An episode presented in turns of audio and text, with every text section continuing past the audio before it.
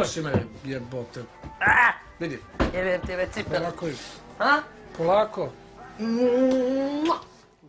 Ja du där Tobias, där kom Rasha hem. Hem Ja. Ja, det gjorde hon med besked. Ja. Hon har ju så otroligt mycket kraft och energi. Ja, verkligen. Ja. Det ser man ju direkt här. Det är ju fullständigt... eh, Ja, det bara sprudlar. Ja. Alltså självklar när hon kommer in där. Helt otroligt. Ja. Och så pappa då Ja, som puss. får en puss på kinden och, ja, och står och lagar maten. ja, Ja, för det är ju den här filmen vi ska prata om idag. det är Äta, det sova, dö. Mm. Precis. Äta, sova, dö. Och det här är ju eh, ett lite speciellt avsnitt, eller hur? Ja, det är speciellt på otroligt många sätt. Yes. För det första kan man ju säga att vi då eh, för första gången återvänder till en regissör vars film vi redan har pratat om. Vi har ju pratat om Amatörer som är gjort av Gabriella Pichler.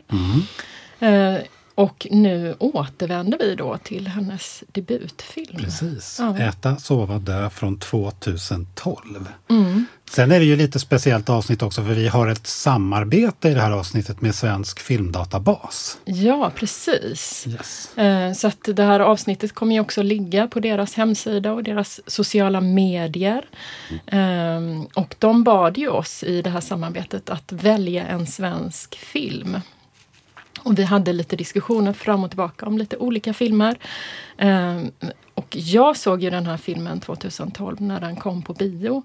Och jag minns ju fortfarande känslan när jag gick ut från Hagabion och var alltså näst intill så här tårögd upplyft, alltså så otroligt lycklig. Och kommer hem och skriver, tror jag, till nästan alla jag kände och var sådär, ni måste se den här filmen! Eh, så jag var ju så tagg på att jag gärna ville prata om Ja, denna det var ju film. bra. Det var ju synd att du inte kände mig då för du skickade inte något mejl till mig. För jag inte. såg inte den här filmen 2012. Nej. Eh, Jag såg bara eh, stora reklampelare i Stockholms tunnelbana. Och, Du missade Ja, grejen. missade det. Men sen Ja. såg jag ju Amatörer när vi skulle göra avsnittet. Då Ja. Så blev jag ju verkligen, verkligen helt såld på denna. Ja, du otroligt- ringde och var sådär, herregud. Ja, jag, det var helt otroligt häftigt alltså, vilken film. Ja. Eh, och då var jag ju naturligtvis på att se den här. Och sen så blev Och det lika så. glad blev du i Ja. den här. Ja, Ja. ja. inte, om jag ska vara helt ärlig, kanske inte, inte exakt lika sprudlande grad. Den här känns... Har, alltså båda har allvar i sig, men jag blev väldigt glad av den här också. Ja. Mm. Och väldigt inspirerad. Så det var ju klockrent att vi skulle ha den här. Det var det. Ja. Och ehm, Sen ska vi ju göra något vi aldrig någonsin har gjort i ja, det här avsnittet. det ska vi göra. Så det är ju också helt nytt. Precis. För det är ju inte bara du och jag Nej, som är här det är en idag. person till här. Ja, som är alldeles tyst. Men det är väl dags att låta dig komma in, Gabriella. Hej. Hej! och välkommen till Filmvärldar. Tack så jättemycket. Ja, Herregud. det var ju helt fantastiskt att du... Vi bor ju i samma stad. Jajamän. Ja, så att det var ju så roligt och faktiskt inte bara sitta här själva och prata om din film. Utan fråga om inte du kunde vara med. Ja, jag, jag tror lyssnarna nästan tror att jag har tjatat mig in eftersom... Ja, det, det kan vi bekräfta att det stämmer inte. Nej, Det är vi som har Nej, tjatat. okej. Ja, det är vi som har, verkligen har velat ha med dig här. Och det har ju också att göra med att när vi eh, spelade in eh, avsnittet om amatörer och diskuterade amatörer så hade vi så mycket frågor kring den filmen och vi pratade väldigt mycket om den. Vi var så här, undrar om hon har tänkt så här och undrar hur hon har gjort med detta och sådär. Och sen kom vi på att vi behöver ju inte undra över det, vi kan ju bara ta hit dig. Precis, vi ska få Och så alla kan vi prata om det. Ja, just det. Här Men kommer det- facit. Här. Ja, precis. Eh, och, men eftersom vi gick igenom amatörer då, eller ska vi säga gick igenom så noga jag på att säga, men ändå hade så mycket fokus på den i det avsnittet så, så föll det sig lite naturligt. Vi visste inte riktigt om vi skulle liksom ta lite av varje av de här filmerna men att det ändå blev fokus på Äta, sova, dö då. För att det, eh, det kändes naturligt och sådär. Ehm, jag tänker så här också att eh, vi kanske kan säga lite mer om filmen och ha en handlingsbeskrivning innan vi börjar prata lite vidare om, om filmen. Eh, Det man vill ju nämna här är ju ehm, också, inte bara att du har gjort filmen, utan att eh, det är sådana fantastiska rollprestationer av de flesta som jag förstår det inte är professionella skådespelare och då vill vi gärna nämna dem. I, huvud, i huvudrollen som Rasha så har vi, och nu får du rätta mig Gabriella om jag uttalar fel här, eh, Nermina Lukacs. Eh, och sen finns det hennes eh, eh, bästa kompis som heter Nicky och som spelas av Jonathan Lampinen. Och pappan i filmen eh, spelas, som vi hörde pusta ut lite här när han fick en puss, eh, spelas av Milan Dragicic. Och Rosi är också en central person som jag förstår spelas av din mor. Eh, Rosica, säger man det? Rosica Pichler. Pichler förlåt. Eh, och sen har vi Peter som också är central. Peter Fält, han spelar sig själv lite grann. Kanske. Ja, eller det råkade bli samma namn då. Ja. Som, eh, men eh, ja. det är en karaktär inspirerad av honom. Ja, jag förstår. Precis. Men har jag glömt någon? Oj, nej, men där Jag har är glömt ju, många, Ja, förstås. där är Ja. ju, det det är ju väldigt många människor i den här filmen så man kan kanske inte nämna alla då Nej. eh, tar programtiden slut. Men, eh, men absolut, de är ju väldigt närvarande Mm. de här, det här gänget. Precis. Och vi kommer ju komma tillbaka lite till det. Den här alltså frågan om att du arbetar med personer som inte är utbildade på samma sätt eller jobbar på Dramaten eller är kändisar. Liksom, utan andra. Eh, och att eh, de ju gör så fantastiska skådespelarprestationer så man blir ju helt tagen. Eh, så var det ju även i amatörer. Eh, att man blev Liksom, vi var ju helt, eh, när vi pratade om amatörer, eftersom du har lyssnat på det också så vet du ju att vi var helt fnissiga. Det var dessutom så att när vi skulle spela in det avsnittet så fick Mikael ha otroligt tåla med oss, tålamod med oss därför att vi blev som två tonårsflickor de första 20 minuterna som bara satt och fnissade. Och Ja, vi kunde inte komma igång med det avsnittet riktigt. det kunde vi inte. Så att man blir ju, och det var därför vi också ville inleda med det här klippet när hon kommer hem för att ge den här känslan utav den här karaktären som har sån kraft och energi och eh, ja, men glädje och lust. liksom. Självklarhet också. tycker Ja, ja, verkligen. Hon bara dyker upp. Liksom. Ja. Så. Men vi kan ju kanske ge lite ramverk då till den här filmen. Så vi har ju en liten kort handlingsbeskrivning här. 20-åriga Rasha bor med sin pappa i en liten ort i Skåne. Hon arbetar med att packa sallad och trivs med sitt arbete och sina arbetskamrater. Men allt förändras när fabriken beslutar att varsla och Rasha och flera av hennes arbetskamrater plötsligt står utan arbete. Hennes pappa, som lider av långvariga smärtor i kroppen, blir nekad sjukskrivning och tvingas ta arbete i Norge för att försörja dem. Rashas tillvaro förändras radikalt. Mm. Ja. Vi har delat upp det här avsnittet, eller vi kommer göra det, i lite olika segment eller tematiker. Då, sådär. Och en som jag tror att du har pratat om tidigare i olika sammanhang, eh, men som förstås i alla fall ja, vi upplever båda två tror jag som väldigt central, det är ju den här eh, framställningen av, eh, kan man kalla det kanske det samtida Sverige, eh, som, som cent- var central på många sätt i amatörer, eh, men också i den här filmen. Ehm, det tänker jag just det är någonting som man också kan se väldigt mycket i relation till mycket andra filmer och tv-serier som produceras. Både när du gjorde den här filmen men också nu på många sätt. Ja, för det är ju, det är ju verkligen en, en... Alltså vi ser ju inte så många såna här filmer. Jag tror att det är också därför eh, vi också tycker väldigt mycket om dina filmer. För att det är så ovanligt att se den här typen utav skildringar. Jag kände det definitivt när jag gick ut från Hagabion den där gången för tio år sedan. Att det var så här, men gud vad jag behövde se den här typen utav berättelse. Ja, Ja, det, Jag sitter här och bara lapar i mig. Därför är det så tyst. Ja. Men jag tyckte att vi, kan, vi, vi skulle kunna inleda den diskussionen egentligen med, eh, om det här med skildring, representation med att börja med klippet. Så får Gabriella hämta sig lite Ja. och kom, värma sig upp lite Ja, det. ändå i detta. Eh, därför att eh, det är ju så här att när Rasha har, och hennes arbetskamrater har blivit varslade så kommer ju de till Arbetsförmedlingen. Eh, och då ska de gå på en jobbsökarkurs tillsammans. Eh, och den här jobbsökarkursen inleds då med att de får titta på en liten film. Och det här är ju otroligt, otroligt vanligt, nämligen att kommuner eh, gör olika typer av filmer. Man kan göra dels marknadsföringsfilmer, men man kan också göra så här eh, ska man säga, kommunikationsfilmer som ska berätta om framtiden. Eh, så att det här är ju en liten sån om eh, Malmö och Malmöregionen helt enkelt.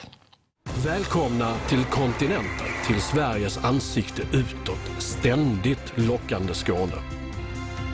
Bevittna underskön natur, besök måleriska småbyar eller varför inte känna på storstadspulsen i Malmö och Helsingborg. Framtidsandan och tillväxten utmärker vår region. Vi rustar dig för att möta det nya arbetslivet där jobben förmedlas genom profilering och matchmaking. Våga möta den nya arbetsmarknaden och utvecklas i vår dynamiska region. Det moderna möter traditionen. Där går det över till att man ser dem sitta då på Arbetsförmedlingen som ändras i ljudet. Mm. Det, här, det, det, här figurerar ju faktiskt i Amatörer. Där går det liksom igenom hela filmen att det är den här stockholmaren som ska komma som de har hyrt in då och göra sin film. Så det här är uppenbarligen någonting som du har ja, lagt in i båda filmerna. Liksom. Vad, vad, tänker du, vad tänker du omkring så här kommunfilmer? Jag tänker att folk vill eh, göra det bästa utav ehm, eh, ett samhälls... Alltså en, eh, ett läge i samhället där, där det är konkurrens och eh, vad ska man säga, att man, eh, man måste profilera sig. Eh, att det är egentligen eh, en form av kapitalistiska värdeord mm. men där det blir lite vad ska man säga, lite absurt ibland är när människor från i olika slags områden som kanske inte egentligen borde praktisera de här. Eller det, det blir extra absurt när man ska till exempel profilera en, en kommun eller inom jobbcoach-sammanhang eller inom jobbsökande.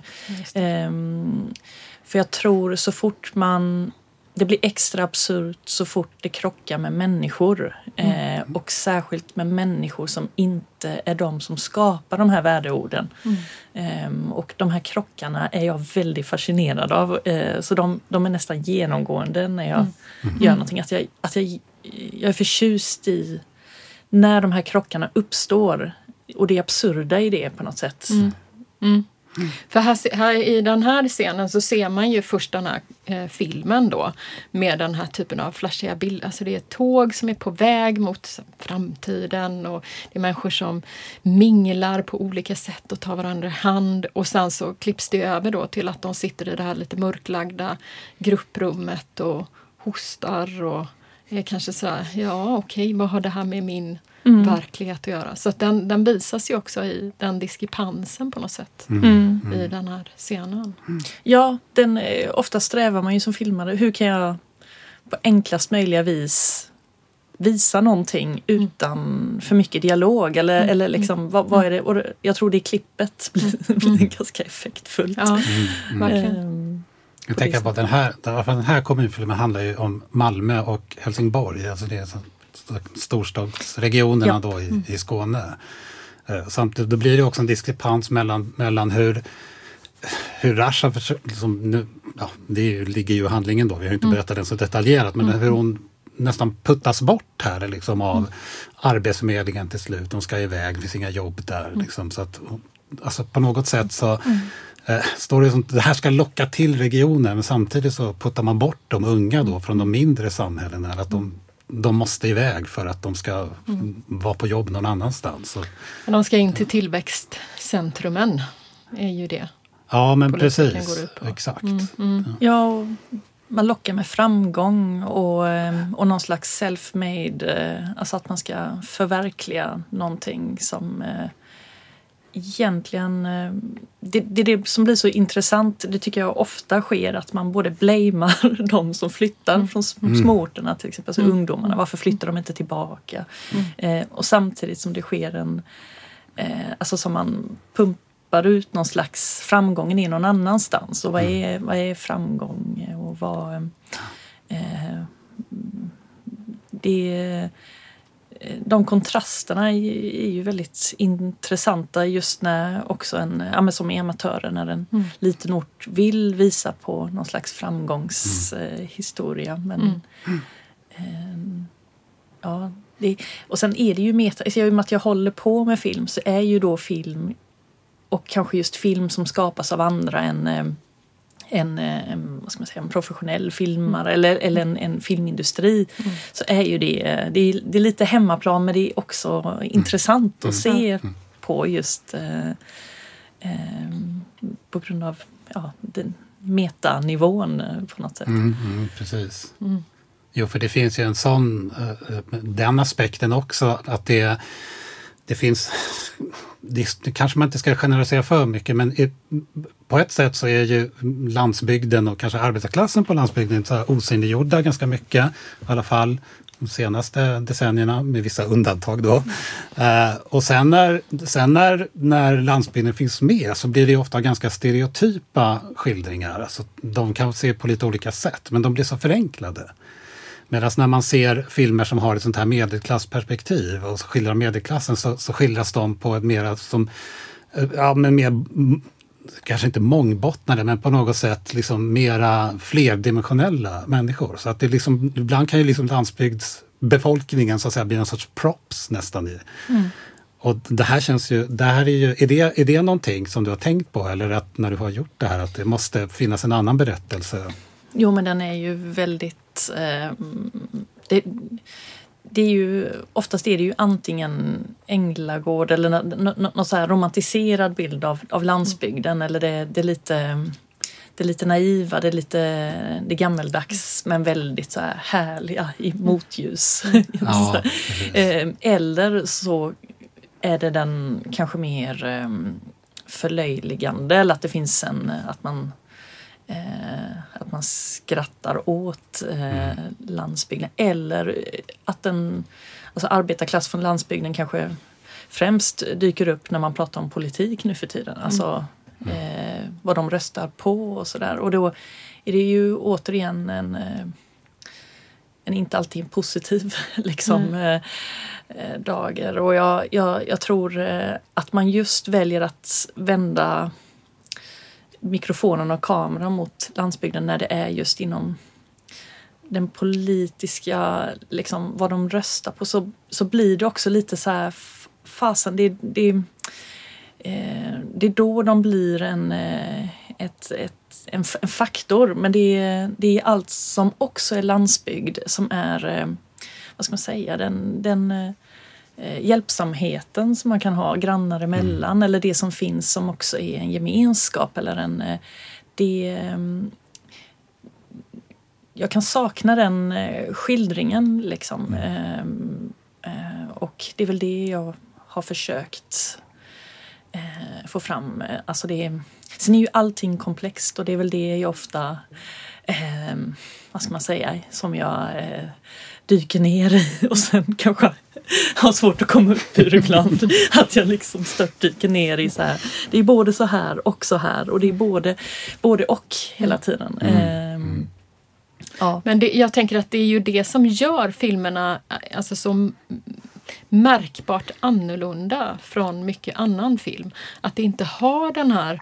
För jag kan känna ibland, apropå den här kommun, alltså filmen som vi fick se, som är det här lite tillrättalagda bilderna och så, så kan man ju, och jag i varje fall känna ibland med svensk film eller svenska tv-serier, att det är så otroligt liksom antingen de här tillrättalagda stockholmska medelklassmiljöerna där alla tycks ha hur mycket pengar som helst och man lever och som liksom verkligen går hand i hand med de här reklamfilmerna.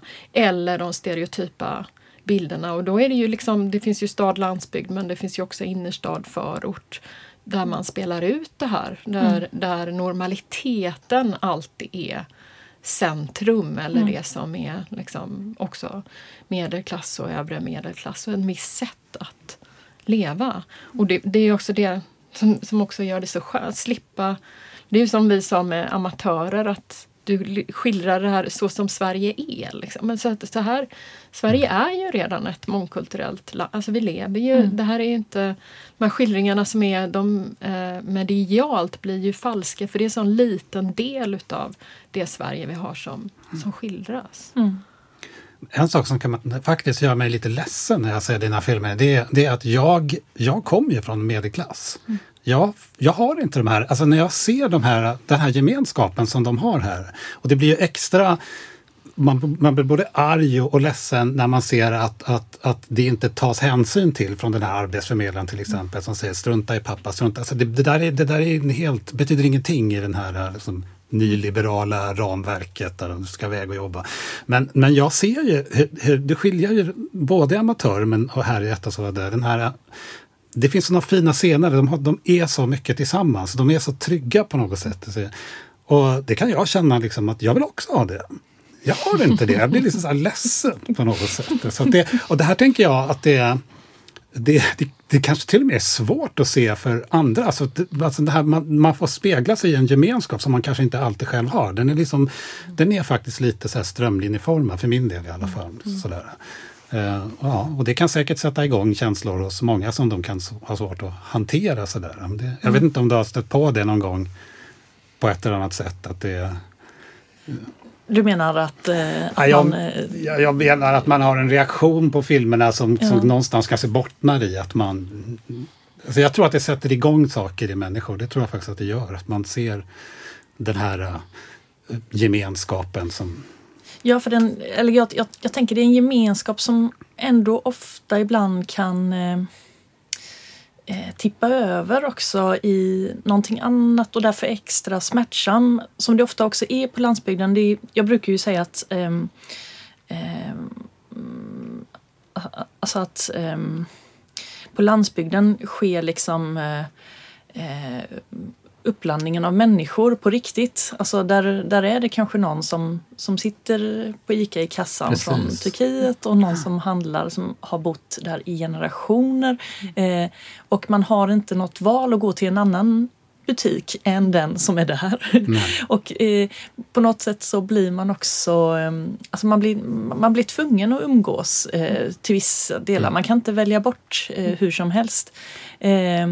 Eh, och, så det tycker jag är styrkan med landsbygden. Så att den, eh, helt plötsligt så är det så otippade ehm, ehm, sammanhang eh, som man hamnar i. Eh, Men så är den också alltid på gränsen. Och jag vet, ni tog upp den scenen i Amatören när Musse eh, väljer bort sig själv i den här eh, filmen Vi bygger projektet. Eh, När han säger att en sån som ser ut som jag eh, kanske inte ska vara med i den här filmen. Det ställer för många frågor. Och, jag tror, och då är det ju liksom också vänner eller bland, alltså det är, det, det är dubbelt. Eh, Så jag, jag tror inte heller att det alltid är eh, att det alltid är det här eh, eh, vad ska man säga, eh, att, att det finns den här tajta gemenskapen. Alltid, det, det finns där, men det, den är ju också alltid, den sätts på prov. Men jag tror att den sätts på prov är också det som är att vara människa och, och bo i ett sammanhang Ja. och, och i en flock eller vad Ja. vi ska kalla det. Eh, så på ett sätt så behöver det inte vara direkt någonting, jag menar det är klart, nå- någon som... eh, Det har alltid funnits någon som... eh, Jag menar, många bor ju på landsbygd och känner sig utanför hela livet. Jag förstår ju det också. Men, men jag tror att där blir man liksom... Det blir handfast på ett annat sätt. Än att man som i Göteborg kan bo i, i Askim eller i, i en sida av stan och aldrig träffa på eh, människor. Men Nej, liksom... Eh, precis. Eh, Där att leva separata liv är Ja. så mycket enklare. Mm. En sak som vi har diskuterat eh, en del också med den här filmen som, är, som jag tycker är väldigt spännande är ju det här eh, och som tangerar då till detta är Just ju det. att du är väldigt lojal med, alltså du byter, alltså det finns ju den här typen av berättelser som man kan göra som handlar om förändrade villkor, eh, förändrat arbetsliv, man är utsatta. Vi hade ju den här Sorry We Missed You av Ken Loach till exempel som ju har ett tydligt anslag från regissören. Regissören vill tala om någonting. Så här ser det ut och det här är förfärligt och det ska vi ändra på. Och det tycker inte jag finns på det sättet i dina filmer. Däremot har du en väldigt stark lojalitet med ett, att byta perspektiv. Alltså att anlägga ett annat perspektiv som vi inte är helt vana vid. Och i den här filmen till exempel eh, så är du väldigt lojal med de som jobbar där. Alltså det är skildrat så som de upplever världen helt enkelt. Det, det är med den blicken vi ser dem. Och eh, Det betyder ju också att medelklassen som vanligtvis står i centrum och i de som definierar blicken plötsligt är lite perifera figurer som inte fattar någonting helt enkelt. Och som är ja, om man ska vara ärlig, rätt off och gör rätt konstiga kommentarer. Och det finns ett antal sådana scener där då eh, medelklasspersoner dyker upp och säger konstiga saker. Vi har till exempel när pappan är hos läkaren. Vi mm. nämnde ju bara här i handlings vi hinner ju inte gå igenom nej, handlingen nej. sådär noggrant som vi brukar göra idag men vi nämnde ju inledningsvis att pappan inte får någon sjukskrivning. Han har ju jätteont men han blir inte sjukskriven och läkaren säger att det är så svårt att skriva sådana här sjukintyg. Eh, så att han åker ju och arbetar och sen kommer han tillbaka till läkaren för att han har ännu mer ont. Och då säger läkaren, men snälla någon, du skulle väl inte åka och jobba, man får ju inte vara girig. Allt handlar inte om pengar. Nej, allt handlar inte om pengar. Och det är så, pappan är som en, jag måste ju jobba, alltså fattar du ingenting liksom. Um, och vi har också en scen då uh, som vi skulle vilja uh, spela upp som är från Arbetsförmedlingen där då de har gått den här uh, jobbkursen.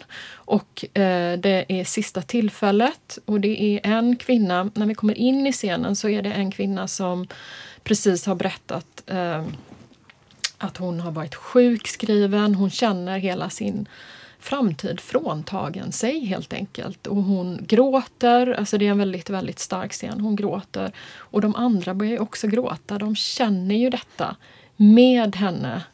Um, så då tänker jag vi kan höra hur, vad som mm. händer. Jag hade liksom sådana framtidsplaner. Så, eh. Detta är ju sista gången vi ses här. Försök ta tillvara på den chansen ni fått. Ni har faktiskt hela framtiden för er nu. Det är ju på ett sätt sant, det har man ju mm. alltid, eller hur? Mm. Så, tautologiskt. Mm. den, den, den, är ju så... Det är en så bra skildring av att hon framstår ju som relativt okänslig när hon så kort efter att hon har fått höra det här säger det på det här sättet. Så att det liksom, Eh, Eh, men jag tänker också att det samtidigt också är en form av Alltså att det är en del av hela det här som vi pratade tidigare då, du och jag om idag, Katarina. Säga standardberättelsen som är normen i Sverige. Att, alltså att så här ska man göra. Det här när jag införde den här jobblinjen var det 2006. Alltså arbetslinjen. Arbetslinjen, mm. förlåt. Arbetslinjen. Eh, och att hon är ju i sin roll. Så på ett sätt så är, utövar ju hon sitt arbete. Men i kraft av att hon gör det eh, så, så blir hon också eh, det, det, är lite, återigen, hon, liksom, hon är en del av det system där allt det här, där människors lidande, gemenskap och så vidare egentligen inte spelar någon roll. Utan det som spelar roll är att man ska få folk i arbete igen, att de ska liksom branda sig själva. Det är mm. nästan lite man mår ju nästan lite dåligt emellanåt när, när de ska liksom berätta sina positiva sidor. Och, så, eh, så, så, och så det blir, för mig blir det också ett utövande av makt i den här mm. situationen som, som också och man kan förstå att hon är okänslig på ett sätt här, för hon har suttit i det här massor med gånger i den här situationen. Uh, tänkte du på, bara fråga här, Tänkte du på så här specifikt att, att, för hon säger det så snabbt, alltså det är så okänsligt att det skulle konstrueras på det här sättet, den här scenen? No, jag, eh,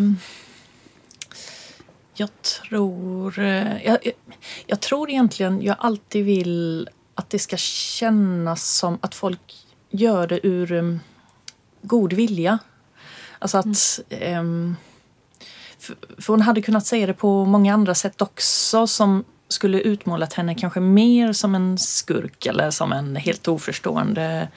Um, men um, ehm, sen förstår jag ju ändå att man tolkar, alltså jag menar det, det, är ju också min avsikt på något sätt att kontrastera, alltså klaschen blir ju mm. smärtsam. Eh, men jag, jag vill ju gärna när de säger de här goda råden eller så här, att det kommer någonstans ifrån, för det, det, det är det man har lärt sig och vad varenda amerikansk film handlar om. Mm. Eh, att, att vara self-made och gå sin egen väg och ha, eh, ha gjort, uppfyllt sin egen dröm och hon uppmanar dem, eller eh, ja, men det återkommer några gånger i, i liksom att, att eh, strunta i pappa eller ge dig av eller framtiden är din. Liksom, att man, man, man använder de här orden och jag, jag jag, jag har väl tänkt att de, de här människorna som säger det säger det säkert med all sin eh, goda vilja och uppriktighet. Eh, och det gör det nästan ännu jobbigare. Eller mm. jag vet inte, för, för, för, om man då ska att, att svara på sån form av eh, Alltså att, att säga emot någon då blir så svårt mm. och att säga att, ja men det du sa nu mm. utifrån din maktposition så, mm. alltså det där kommer bara falla platt i den. Så, alltså det, och det gör nog att varför så många diskussioner eller debatter idag, mm. alltså man går helt på tvärs, man, man, bara, man bara pratar förbi mm. varandra. Eller det, det är sån eh, men jag tänker att ja. det är precis det som är fint med den här scenen är ju att det inte är sagt med en, el, alltså en elak... Eller liksom, mm. Det är ju precis som du säger Tobias att det är ett utövande makt men det är ju subtilt. Och mm. det är inte säkert att hon eh, själv överhuvudtaget är medveten Nej. om det. Och det är välmenande då. Ja. Men diskrepansen mellan, alltså här sitter de och gråter och den här att ta tillvara på den här chansen, det vill säga att ni fick sparken. Att det är det som är mm mm. en chans. Nu har ni fått den här chansen, ni har fått gå den här kursen. Eh, och vad ska de göra med det? Det är ju inte som mm. att det haglar arbetstillfällen eller möjligheter över dem. Mm. Eh, så att den, jag tänker att det är ju det som också blir så eh, effektivt på något sätt. Att det finns liksom en grupp som lever och ser och pratar mm. på ett visst sätt. Och det är så långt ifrån eh, den verklighet Precis, som andra det är behöver det jag leva tycker, i. Eftersom medlet om man nu tänker att hon är en sorts, vi kan kalla det för mm. medelklass och även läkaren, mm. så finns det en sorts blindhet hos dem som jag tycker kommer fram i filmen. Som, som mm. absolut inte, det är inte det jag försökte säga heller, att hon skulle ha liksom ett elakt uppsåt eller nej, något sånt nej. här. Utan hon blir mera liksom, dels är hon en funktion av, liksom, i ett system mm. på något sätt. Men, hon, men så finns också en sorts eh, kanske en blindhet för det, så, som gör att mm. man ändå säger det här på det här sättet. Så det, mm. Eh, Mm. Och, men ännu, ännu mer tydligt med läkaren där han, där han säger att man får inte bli girig, allting handlar inte om pengar. Liksom. Ja. Så då glömmer ju han helt och hållet bort att de har inga pengar. Eh, och det är inte heller med illvilja. Mm. och det är väl det som är så oerhört, för så uppfattar jag precis som du säger det nu, att det, så är det amatörer också, att det finns, det finns egentligen ingen värdering av människor så. Det hade gjort filmerna mycket sämre, som jag ser i alla fall. Mm. Eller äh, inte lika bra, om man säger så, som de är nu. Äh, kan inte vi ta det här klippet som vi har från fabriken precis när hon ska få veta att, eh, eller när de går runt för att plocka ut de personerna som ska bli varslade. Mm. Och då blir det en kort bit från det? Eftersom det är det... bara en kort bit, för ja. här finns det ju ingen eh, dialog. Det är Nej. bara det här ljudet. Ja, det är en scen som pågår i flera minuter och så mm. hör man ljudet från maskinerna.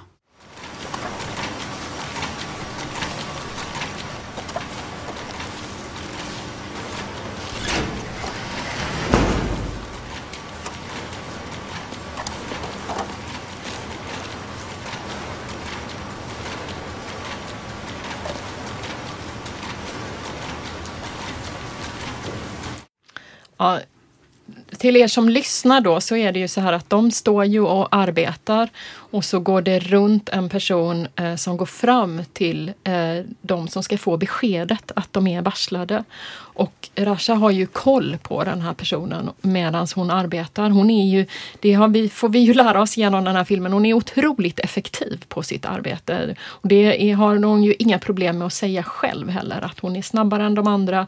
Hon kan väga upp 175 gram rucola i handen. Eh, hon har koll liksom. Så att här ser man ju hur hon hela hela tiden tittar eh, för att se om de kommer till henne. Och det finns en otroligt också långdragen drabbande scen där han närmar sig henne och hon får panik och rusar iväg. Men, men anledningen till att jag bara ville spela det här klippet var för att alltså dels så är ju den själva scenen hjärtskär, att de faktiskt arbetar och någon kommer och plockar personerna Eh, och de får de här beskeden en efter en.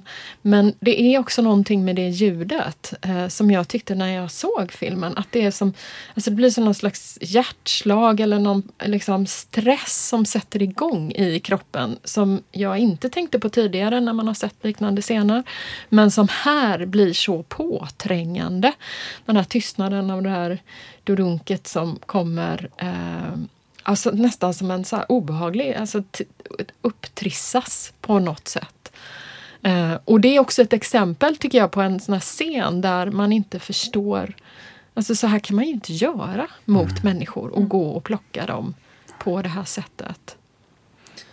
Nej, jag, ehm, jag våndades lite inför när, när jag skrev eh, manus hur eh, den här scenen skulle berättas. Mm. För det kändes som att det skulle kunna gå att göra på så många ja, lite dramatiska, lite över eh, överdramatiska sätt. Alltså man hör nästan i sitt huvud hur det hade kunnat låta. Eh, alltså att någon skriker. Mm. Mm. jag vet inte. No. Eh, men eh, så jag, jag, var lite så här, fan man vet inte, hur, hur, hur kan det se ut liksom? Eh, och då ehm, i, under researchfasen så intervjuade jag ehm, en hel del människor med erfarenhet av att bli varslade eller uppsagda och, eh, under den tiden och också om arbetslöshet och jobbcoach-fenomenet och sådär. Och då var det en ung kvinna som eh, berättade hur eh, hon, hon jobbade i, inom montering eh, och stod vid sin maskin när Eh, den ansvariga för just eh, uppsägningarna gick runt och plockade in eh, människor. Och när hon berättade det för mig så var det så, det var så hisnande att och, mm. och lyssna till den. För hon stod där och såg hur vissa, hur han gick bort med vissa. Sen kom de ut igen, kanske stod då och grät vid sin maskin själva. Mm. Eller det, mm. det var sån, och det var så ensamt på något sätt. Eh, mm. En och en. Mm. Liksom. Det, man fångas inte upp av kollektivet heller.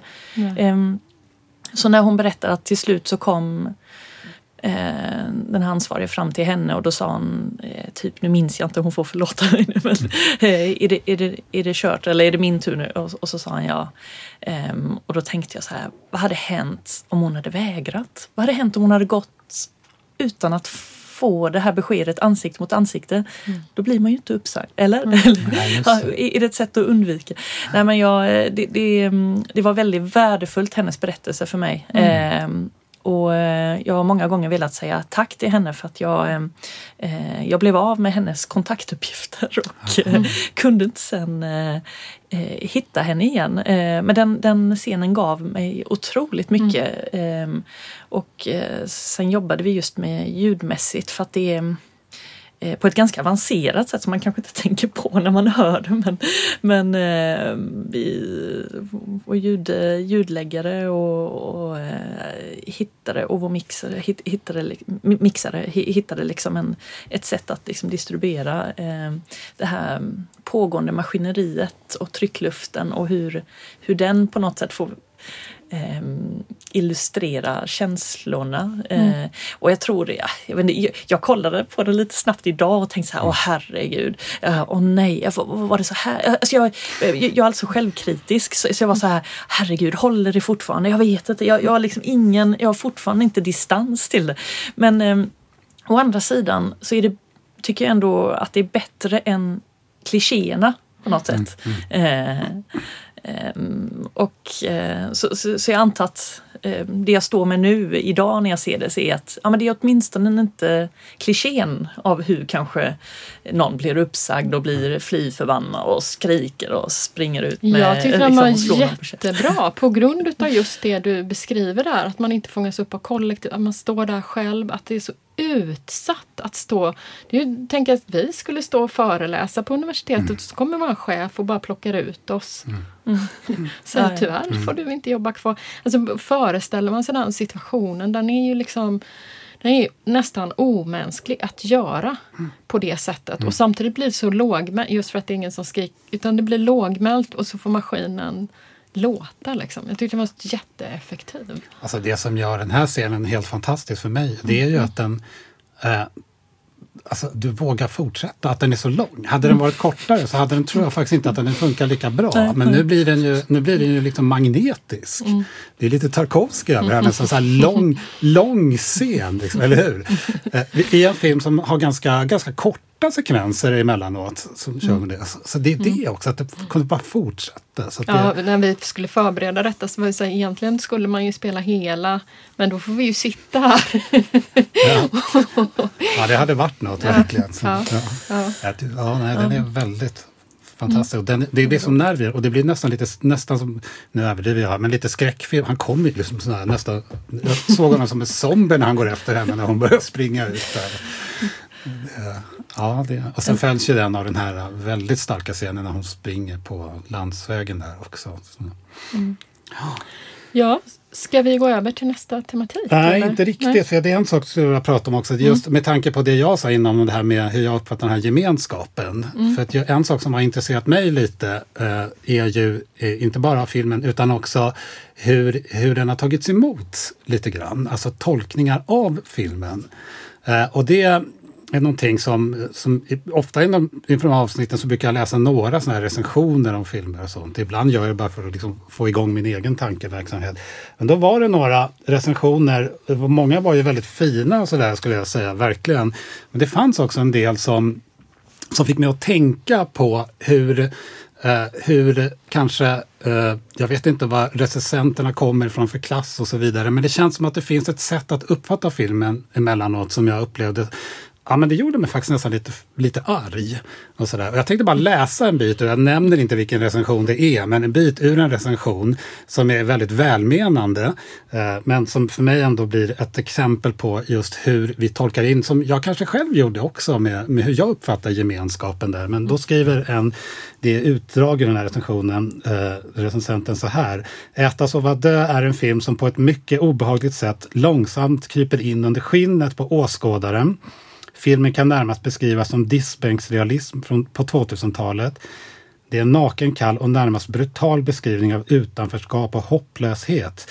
Det är en film som gör ont att se och uppleva. Stundtals blir det obehagligt smärtsamt. Detta är inget annat än filmiskt paketerad ångest.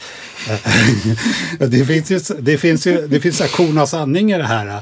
Men här tänker jag att det, det jag tänkte var att så här ser man på den här filmen eh, när man har blicken på, på liksom landsbygden och de här orterna som någonting där, där det är kört. Alltså att man, det handlar om ens egen ångest på något sätt.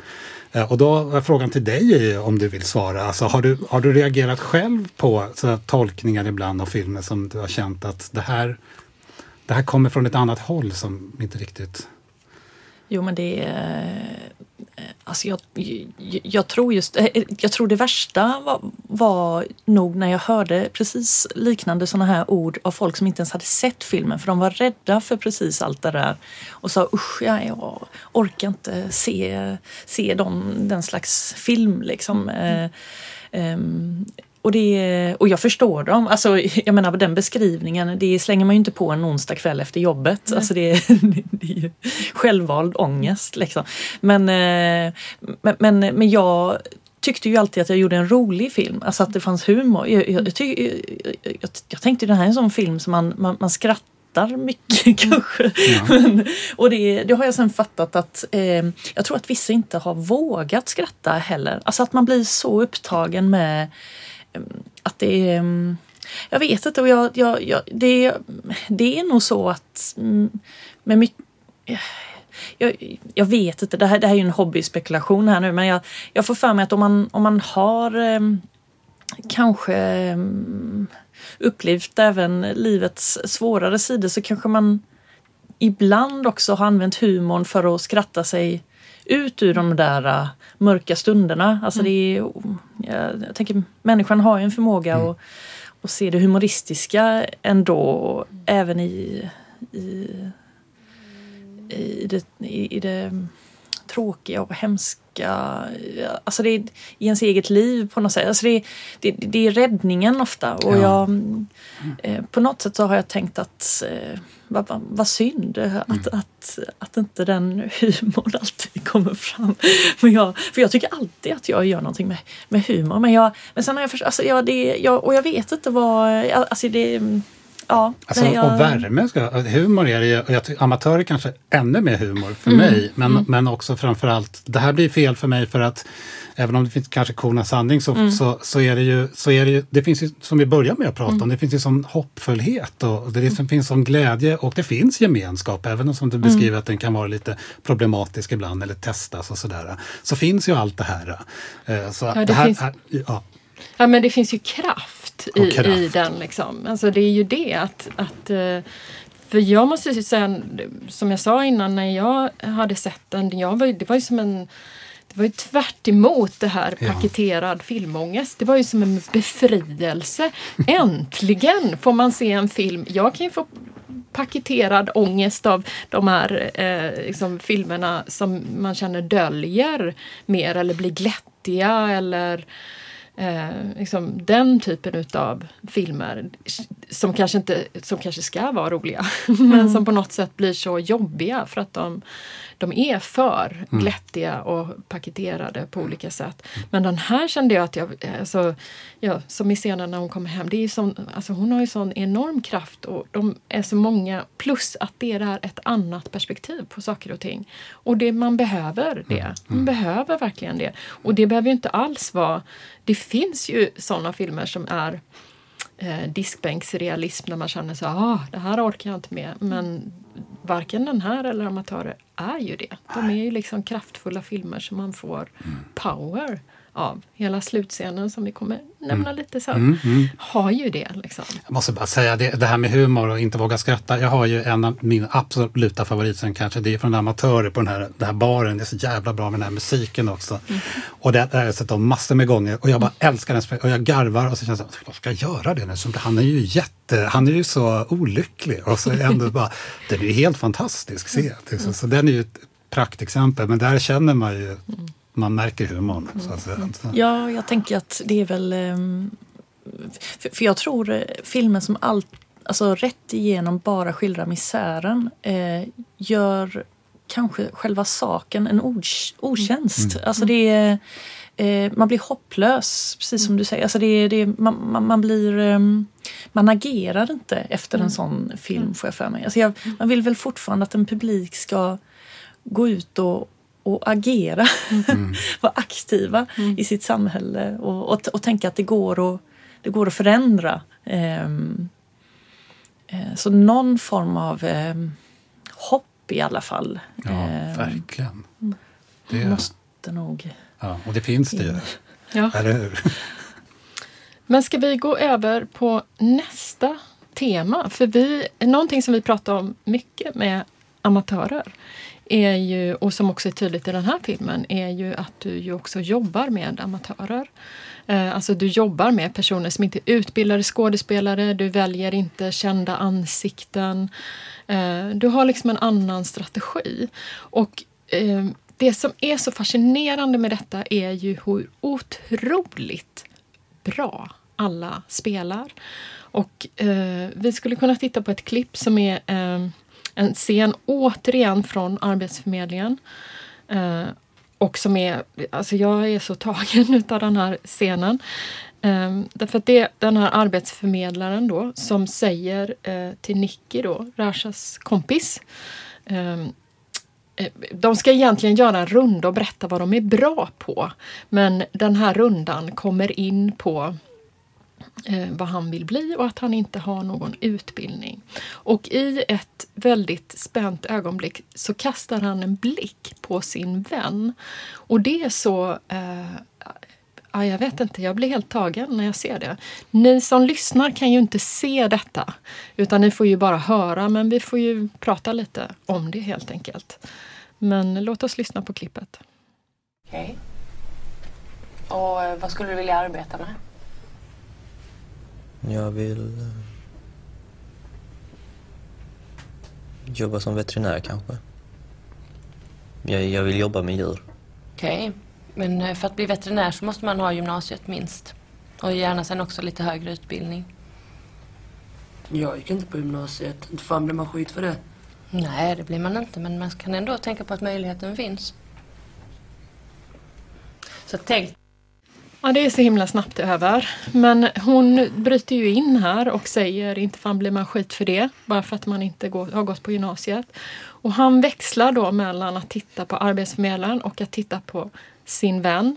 Och han är, eh, han är ju ledsen, han har ju blivit till, tilltufsad, alltså lite förintad av den här kommentaren. Du har ju ingen utbildning. Den här drömmen om att du ska bli veterinär, alltså vad är det liksom? Så att det syns ju på honom att han är förintad på ett sätt. Men samtidigt så är han så tacksam mot sin vän som går in och räddar upp situationen. Och det är liksom i några sekunder och det säger så otroligt mycket om hela den här maktsituationen och alltihopa. Jag, alltså jag blir helt... Eh, jag har liksom visat den för min familj. Jag varit så, titta, titta, titta, det är snart över. och så att, eh, vi bara tänkte att vi skulle vilja använda det som en ingång till att prata om. Liksom hur, hur, hur gör man? Hur går det till? Um, oj, eh, ja... Eh, jag, jag, jag, tänker att uh, allting ligger i dels vilka som väljer att ställa upp och vilka man, man får med sig i projekten. Uh, alltså det um, och vad de för med sig in.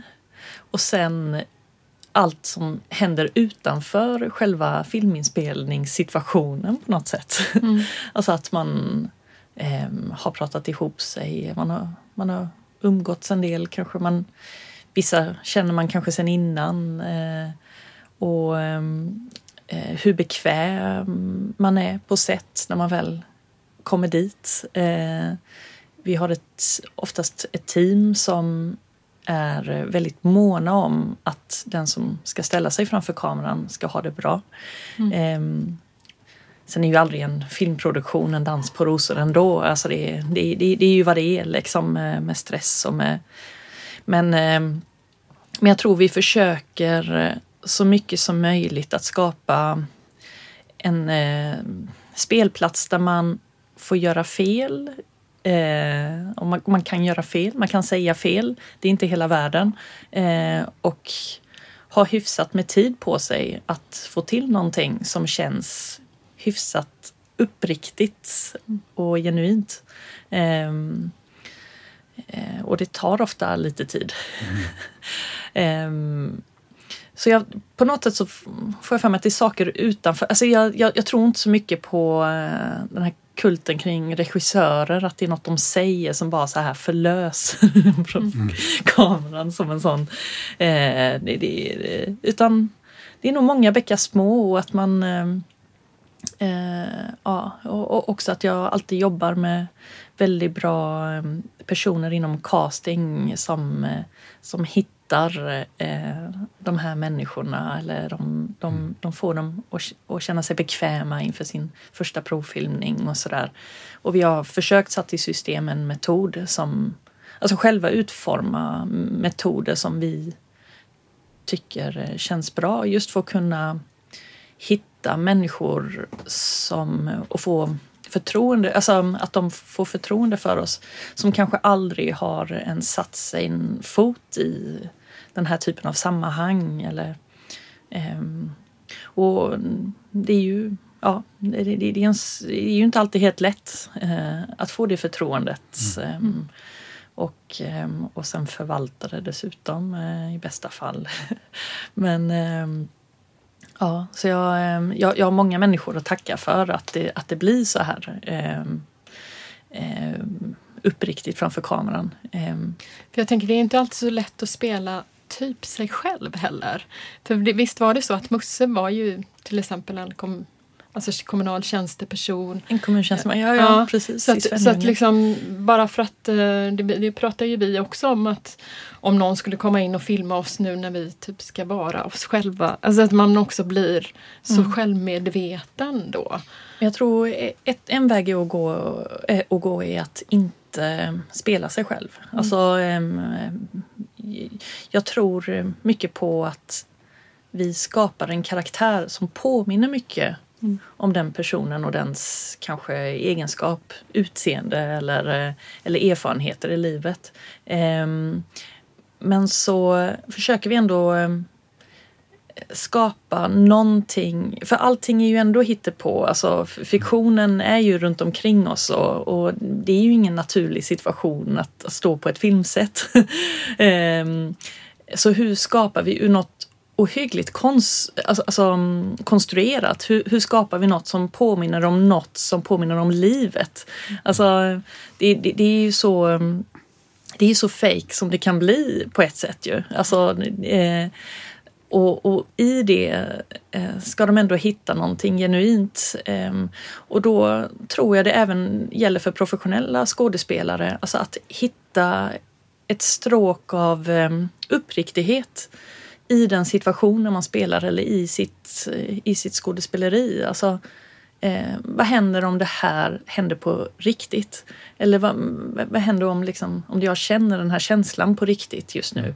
Eh, och jag tror egentligen det, det är det som är vägen att gå lite grann. Men sen har ju professionella skådespelare mycket fler verktyg och, och har en, liksom en helt annan erfarenhet i att gå in och ut ur olika slags karaktärer och så.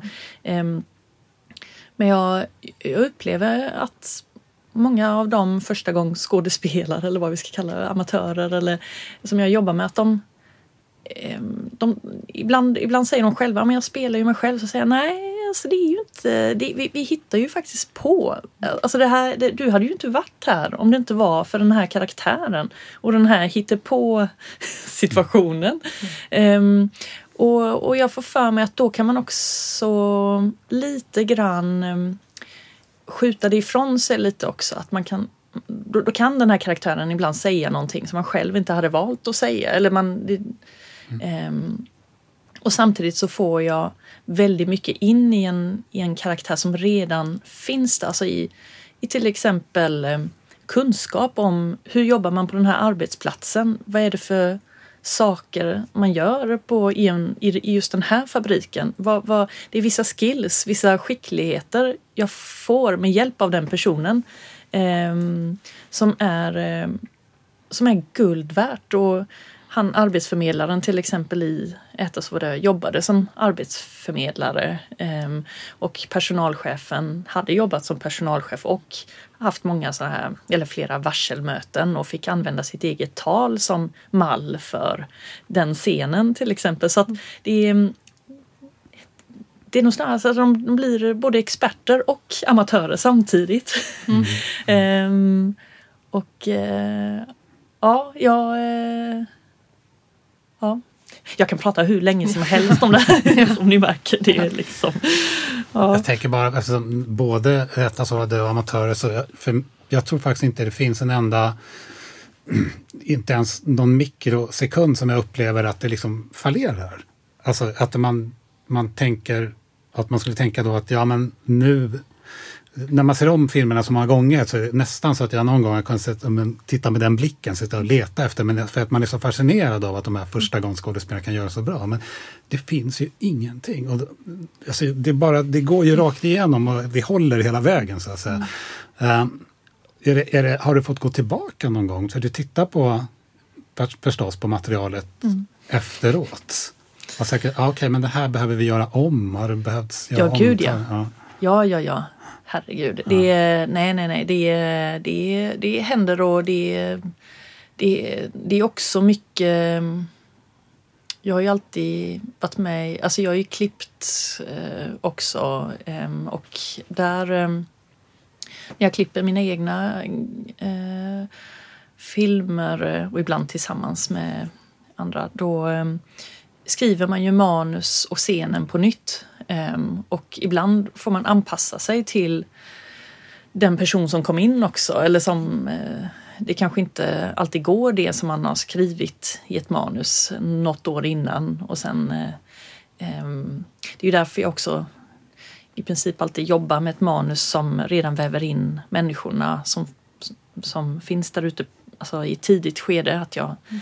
att jag träffar, um, ja, men som i den här filmen Ett så var det, var det ju många av dem som jag träffade under researchperioden eller hade känt sedan länge och då kan jag ju utforma karaktärerna redan i manus på ett sätt som, som ligger nära eh, vad de själva hade kunnat säga eller sådär.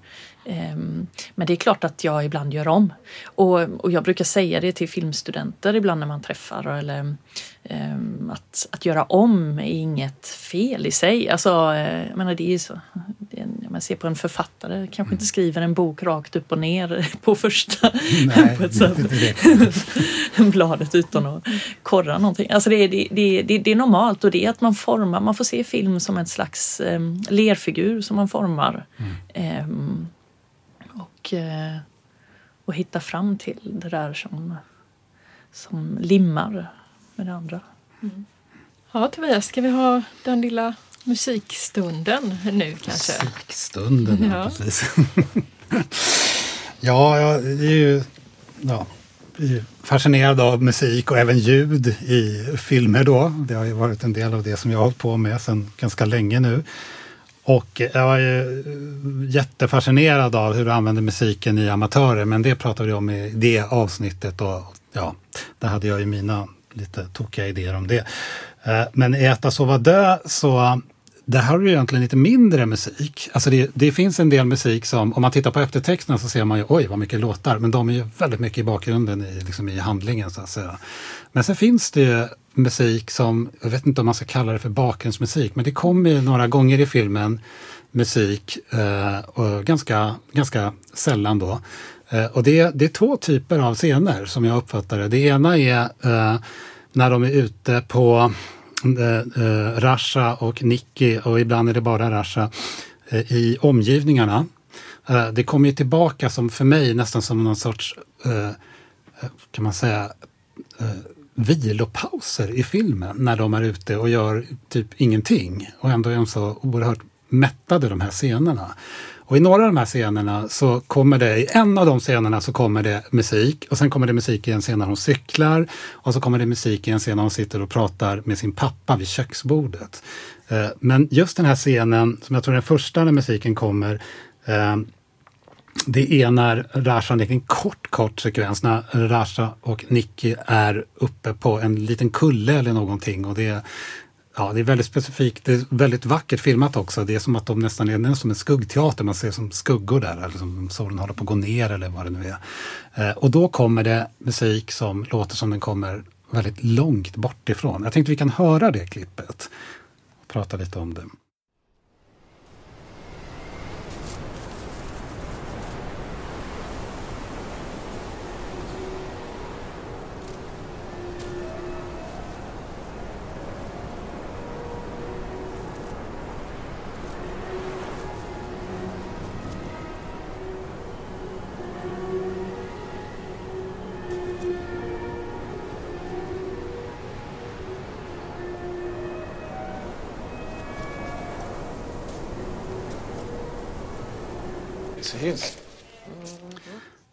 Där är det jättesubtilt och det är ju någonting här som inte går att fånga med ord.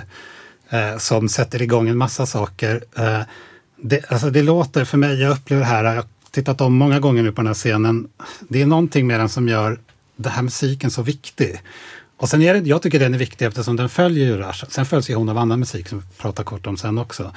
Eh, men det är någonting här som att det låter som att den kommer långt bort ifrån. Jag försöker som sätta ord på den här musiken, just framförallt i den här scenen, men även i den scenen när hon cyklar och i köket. Eh, att det, det, och jag kan inte riktigt, utan det är någonting som det finns som, som en sorg eller det finns något, eller ett hopp eller, eller bara en ro eller någonting. Och sen så kommer jag faktiskt, nu nämner jag honom igen, och tänka på Tarkovsky igen. Dels med de här scenerna när de går och gör liksom ingenting. Sådana scener finns i Spegeln, sådana scener finns egentligen i Stalker. Eh, men också det här med musiken som kommer så pass sällan som den gör och som är oerhört subtil. Då tänker jag på offret med den här kulningen som kommer in sådär. Eh, och eftersom det här eh, kommer tillbaka så, så, som, som filmmusikintresserad då så, så börjar jag ju undra vad, vad är det, det kanske inte finns, gör inte det så är det helt okej. liksom, men någonting är det ju här känner jag. Liksom. Har, du, har, du, har du, hur, hur har du och dina medarbetare tänkt omkring de här? Eller är det bara så att här ska det vara musik? Nej men det är ju Usch, det är, du, du är ju helt rätt på det. Det är ju när, när jag vill vara Tarkovsky och, och, och vill jobba um, och, och vill fly uh, realismen in i en annan värld av poesi. Mm. men men jag, är, jag är fast i den skånska landsbygden. Och jag, Usch, ja, vad, vad, vad fint. Uh, när du säger Tarkovsky då blir mitt, mitt 20-åriga eh, jag eh, väldigt eh, glad och varm inombords. Mm. Nej, men jag, eh, jag tror jag ofta slits mellan att jag vill berätta det, det, det fjuttiga i vardagen på något sätt eh, och det, ja, det vardagliga, eh, torftiga samtidigt som jag vill hitta poesin i det och det som är någonting annat. Ehm, och det, ja, det kan vi ju prata länge om. Det, ja, det summerar väl människor överlag kanske att man borde ha en strävan efter någonting mer. Men, mm. eh, och jag tror den scenen som du spelade upp nu eh, förkroppsligar det på många plan och också eh, att nästan smyga in mm.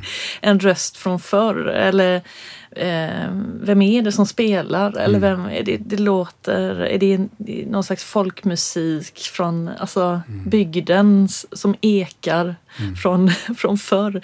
Eh, och nu, ja, det låter ju nästan pretentiöst liksom. Men, men jag tror med all, med, alltså med all ärlighet så är det lite de eh, rösterna jag vill komma åt på något sätt. Alltså, vad, vad, vad, är det, vad är det för klanger från förr som fortfarande finns. Mm. Som kanske inte ens Rasha och, och Nicky hör när de är där. Utan, och det är knappt vi hör. Nej, det, är det.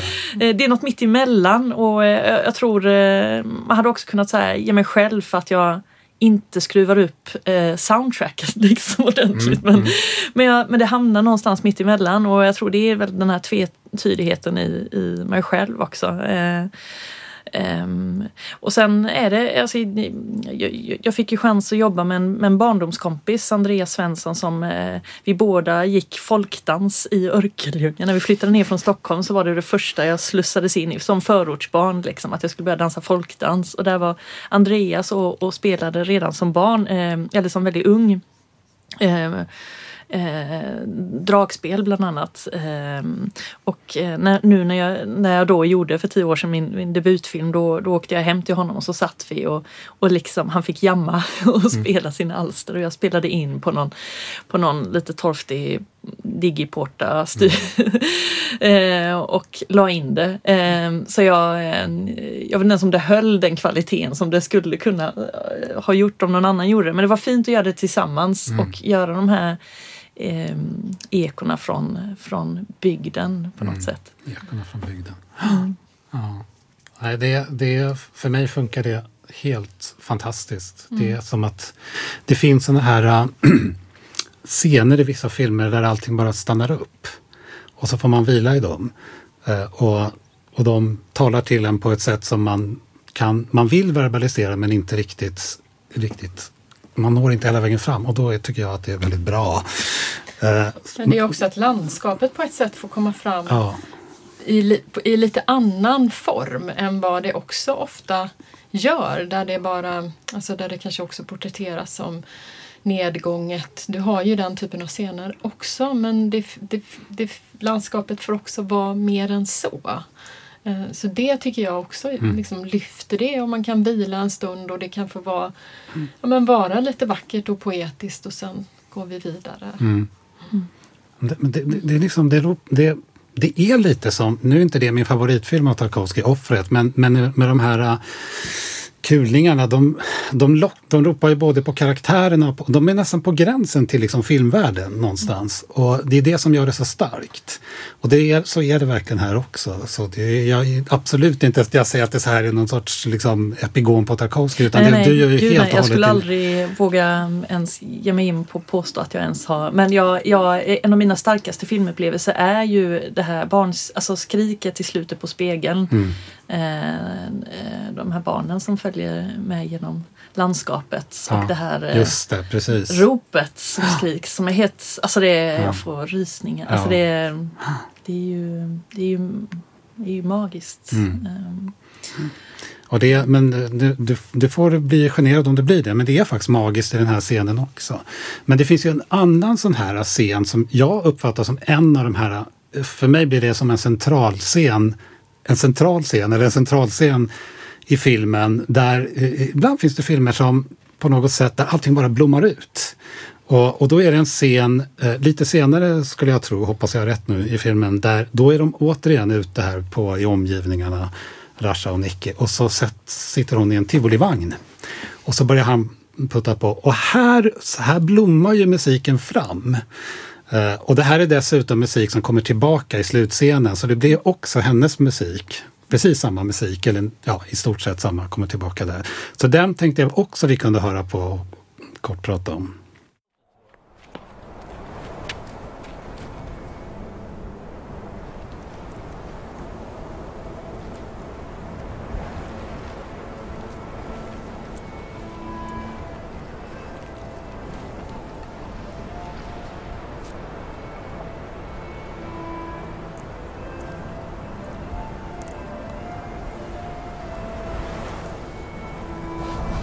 Du kan ju putta. Till och med uppförsbacke här. Mer nu.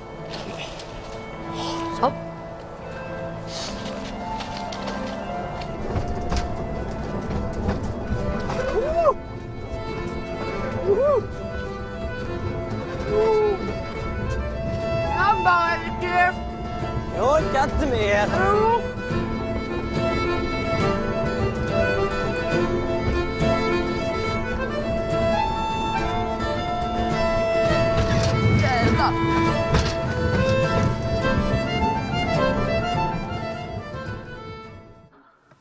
Kommer, Jag orkar inte mer. Jo! ja.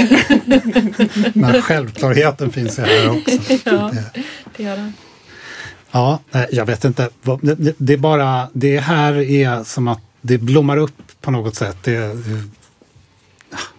någonting man gör ibland kan man göra med musiken att man, det blir, jag kan inte riktigt formulera det här, men det blir som att det blir som ett koncentrat som kommer in liksom i, här i filmen. Och, liksom av, och den, den är ju så öm också, det är den andra musiken också, men det är som ömhet i den här musiken. Ja, men musik har ju en, eh, alltså det, är, det har en sån överlägsenhet mot, alltså det är, man lägger sig ju platt på något sätt och sen bild och musik i kombination med, med vardagsljuden eller rop eller, alltså det, det är ju något sentiment, alltså något, något som en, en känsla, alltså inte bara, jag menar inte bara här då, utan jag menar överlag så är jag väldigt svag för det. det, det och det är något med med musik som, så, som har en sån omedelbarhet som jag vet inte om någon konstform har. Alltså det Det är, går ju rakt in på något ja, sätt. Ja. och det är den... ehm, Ja, jag, eh, jag har ju ofta kämpat med att ha, mm, inte ha för mycket musik i mina filmer för jag... Det, det, det- kan också vara så lätt att ehm, använda musiken och förlita sig på den och ja, jag menar det finns ju eh, filmer som dränks i musik på ett... Det tänkte jag, Ja. alltså, du har ju väldigt lite, men jag tänker på, för att bara så här, lite ultrakort cineastiska. Det finns faktiskt, jag upplever att det finns någon, några scener här som påminner om Von Kar-wai, såna här tidiga, att de somnar i soffan och såna här saker. Men, men där har man ju en regissör som ofta dränker sina filmer i musik på ett väldigt häftigt sätt, ska jag säga. Och, och, det och du, men du har ju väldigt, jag tycker det är så häftigt för det här är mer Tarkovsky. Det är liksom, när musiken väl kommer, då sker det någonting verkligen stort. Alltså du, du nämner ju mina två husgudar. Eh, så jag, jag, eh, Wong Kar-wai är ju... Eh, ja, jag har burit med honom länge. och jag, eh, jag vill ju ett tag typ... Alltså jag brukar säga det, det kanske inte ens syns men... Eller det syns verkligen inte utifrån den... Eh, Hongkong action han, han liksom ändå sprang ur. Och så, men, men absolut, han har... Ja, nej men... ehm, Nej men det finns ju ett, ett, ett enkelt knep ofta att använda musik som eh, istället för att eh, få fram det i bild och i dialog. Eller liksom, ehm, och ehm, den, eh, det där, där vill man ju inte heller hamna. Liksom. Eh, men, men det är ju, det, är ju det, det, det händer ju något med Mm. så fort, alltså när, när, när musik och bild eh, hittar varann. Eh, behöver inte ens, det, det kan ju vara varandras motsatser. Eh, men Mm, när det gjuts ihop, det, det finns ju inget bättre. Nej. Och då har du ändå lyckats att inte överanvända det på något sätt. Det, Ja, ja, nej men, eh, ja, nej men, eh, ja. nej, Nej, det, det, det- är sant. Det är så i den här scenen. Ja, jag tänker i den slutscenen som du ju pratar om så är det ju så att ehm, för vi får ju följa i den här filmen får ju, vi ju följa Raja och hennes pappa, hennes vän och arbetskamraterna lite vid sidan om. Eh, hon eh, försöker ju hitta jobb. Hon är också otroligt driftig får man säga. Det är ju, hon är ju väldigt långt ifrån den här bilden utan någon som bara sitter hemma och säger ah, gott att vara arbetslös. Hon hittar ju på arbetsuppgifter till sig själv och eh, ser till att liksom vara behövd. Men hon har ju inte körkort. Eh, och hon vill också gärna bo med sin pappa eftersom han behöver henne. Hon försörjer ju också honom. Eh, men det, eh, hon får ju ett jobb där hon behöver köra bil och hon ser till att snabbt lära sig att köra bil och verkar fixa det alldeles utmärkt. Men klarar ju inte provanställningen eftersom de får reda på då att hon inte har körkort. Så att eh, filmen slutar ju med att hon tvingas ehm, man förstår att hon, hon behöver flytta till Malmö för att ta jobb helt enkelt. Och det arrangeras den här stora festen för henne och så. Uh, och jag tänker om vi skulle avsluta lite med att prata om, för att den här filmen är ju gjord 2012, eller den är gjord innan men den hade premiär 2012. Det är tio år sedan. Och det det Sverige som den skildrar kan man ju säga har, alltså klyftorna har fördjupats sedan dess. Eh, ojämlikheten, jag läste bara häromdagen att eh, jag tror att alltså Sverige eh, sedan 2017 eh, liksom rasar i det här indexet om jämlikhet. Alltså fort, inte några platser neråt utan det, det går jättefort nu. Alltså, Ojämlikheten ökar drastiskt eh, just nu i Sverige och också skillnaderna i levnadsvillkor och, och sådär. Um, så vi tänkte liksom, vi skulle Mm. vilja avsluta med lite reflektioner kring det och vad du själv tänker kring detta idag. Ja, jag tror när jag började göra film så hade jag, mm, alltså som ung, en, eh, jag- trodde det gick att förändra världen. Det var ju ändå min, eh, det var min drivkraft. Nu är jag ju inte lika övertygad om det längre. Mm. Eller att konst överhuvudtaget kan. Men inte för att låta utan hopp nu eftersom vi har pratat om hopp och sådär. Men det har väl... Sen tror jag ändå att, att kulturen kan, eh, kan skildra och, och uppmärksamma um, um, vår verklighet. Um, och, men jag, jag, det är klart att jag, alltså som, eh, som Ja, jag, jag vet knappt var jag ska börja för, för, för som, som utövande konstnär eller filmskapare eller sådär så, så kan man ju också bli lite desillusionerad. Ehm, och ehm, ehm, att, att ännu en gång, eller att göra film om... På, på ett sätt, man, man kan ju också se det som att gud, det, det, det vimlar av teman. Vad lyxigt. Alltså vi filmare kan ju, alltså det är ju bara att plocka upp en tråd eh, om man vill göra eh, intressanta berättelser om vår samtid. Eh, så är det ju ehm, ehm, det är ju, det är ju på något sätt så är, det, är outtömligt. Ja, det är ju både utav så praktiska skäl att det Ja. händer så mycket just nu men också att så få berättar de Ja, här historierna. Det är väl det är väl där det, med tanke på att vi är i en, i en våg av, där vi kanske just nu pikar i någon slags krim, svensk krim, peak. Eh, eh, där det bara eh, på löpande band eh, görs Ja, sen behöver det ju inte vara, jag menar, det finns säkert de produktioner som är bra och som har sin berättigade plats. Men, men att, att, att det är sånt överflöd av ganska liknande berättelser. ehm, när det finns så mycket att berätta om. Ehm, Men jag, jag, jag, tänker att ehm, Ja, det, det, jag, det, det jag ändå känner visst eh, hopp om det är att jag har hittat andra kanaler ehm, och att unga människor har...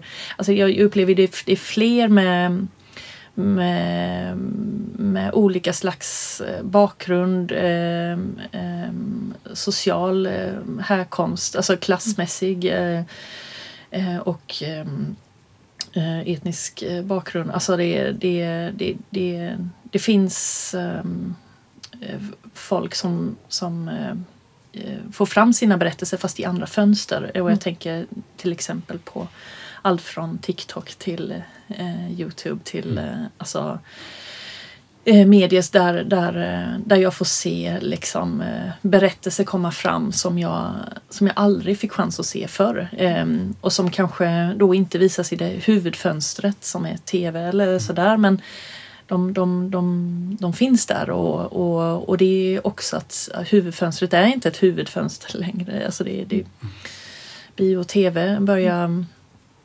Ja, det är, vissa tittar aldrig ehm, ehm, på det som förr kanske var det som alla såg. Ehm, så det, det ger mig ändå visst eh, hopp i att jag ehm, kan se berättelser och, och röster och historier från eh, människor eh, med alla möjliga slags erfarenheter och bakgrund och eh, som eh, Ja, men som, eh, som ändå ger mig hopp om eh, framtiden. Eh, För med, med, med starkare röster tror jag ju också att det finns en större chans att påverka samhället rent konkret. Och, och ta större plats Mm. i hur, hur vi vill ha det. Men med, med tanke på eh, dina tidigare filmer och på den utveckling som du beskriver lite av Katarina och det du pratar om nu Gabriella och, eh, så vet vi att du har precis avslutat inspelningen med en tv-serie. Och vi vet också att det kanske är begränsat hur mycket du kan säga om den men, men givet det här bakgrunden av vårt samtal nu eh, kan du säga någonting om, om den, hur du har tänkt omkring den utan ja, Ja, men jag upptäckte nu när jag satt här och, och bara verkade desillusionerad att plötsligt påminner väldigt mycket om karaktären i min tv-serie som är en konstnär eh, som eh, blir lite de, de, desillusionerad. Eh, är, det, är det värt det? Eh, och eh, som börjar eh, väljer att börja på lagret istället och jobba. Och eh, hennes mamma blir äntligen lycklig. Eh, för att hon har valt rätt karriärsmöjlighet. Nej, nej men eh, den, den handlar eh, om en mamma och en dotter eh, i Göteborg. Och Göteborg har en eh, stor roll i, i den tv-serien. Ehm, och ehm, ja, jag, ehm, den kommer eh, komma först eh, efter årsskiftet 2023-2024, så början på 2024. Så det är väldigt långa, men, eh, men där, då kommer den gå på SVT, Sveriges Television. den ser vi fram emot. Om allt går som det ska, ja. Verkligen. Men då tänker jag också en annan fråga, eh, sådär mycket på något sätt flummigare och bredare. Eh, om du, har du tänkt så här drömmar om eh, vilken, ja, vilka filmer eller tv-serier eller vad det nu blir du skulle vilja göra i framtiden utan att liksom, du behöver avslöja konkreta planer? Du har säkert massa olika. Eh, ja.